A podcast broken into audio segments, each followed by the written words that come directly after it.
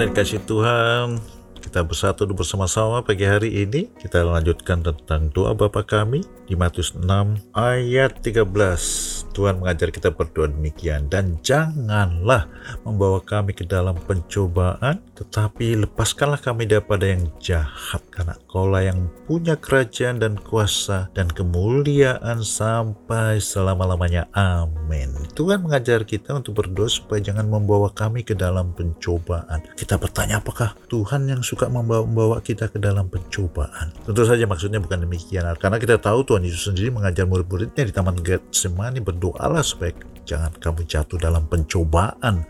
Rasul Yakobus mengatakan Tuhan tidak dicobai dan tidak mencobai, tapi setiap orang dicobai karena keinginan sendiri, karena terseret dan terpikat olehnya. Jadi doa ini maksudnya supaya kita berjaga-jaga setiap pagi, setiap kita mempersiapkan diri untuk masuki uh, kegiatan kita, kita kita waspada, kita minta Tuhan menjagai jangan sampai kita terseret terpikat oleh keinginan-keinginan yang tidak baik dan kita jatuh dalam pencobaan. Kita tahu pencobaan itu masalah ya, kita nanti dapat masalah di jalan, di kantor, di usaha, di rumah tangga. Itu semua karena kita tidak waspada. Dan Tuhan mau kita berdoa, lepaskanlah kami daripada yang jahat. Kita tahu iblis datang untuk mencuri, membunuh, membinasakan. Jangan main-main. Ya, di dunia ini penuh serigala yang berusaha untuk menghancurkan hidup kita. Kita tidak boleh sembarangan, kita harus waspada. Doa ini meminta Tuhan menjaga kita, menjauhkan kita, dan melepaskan kita daripada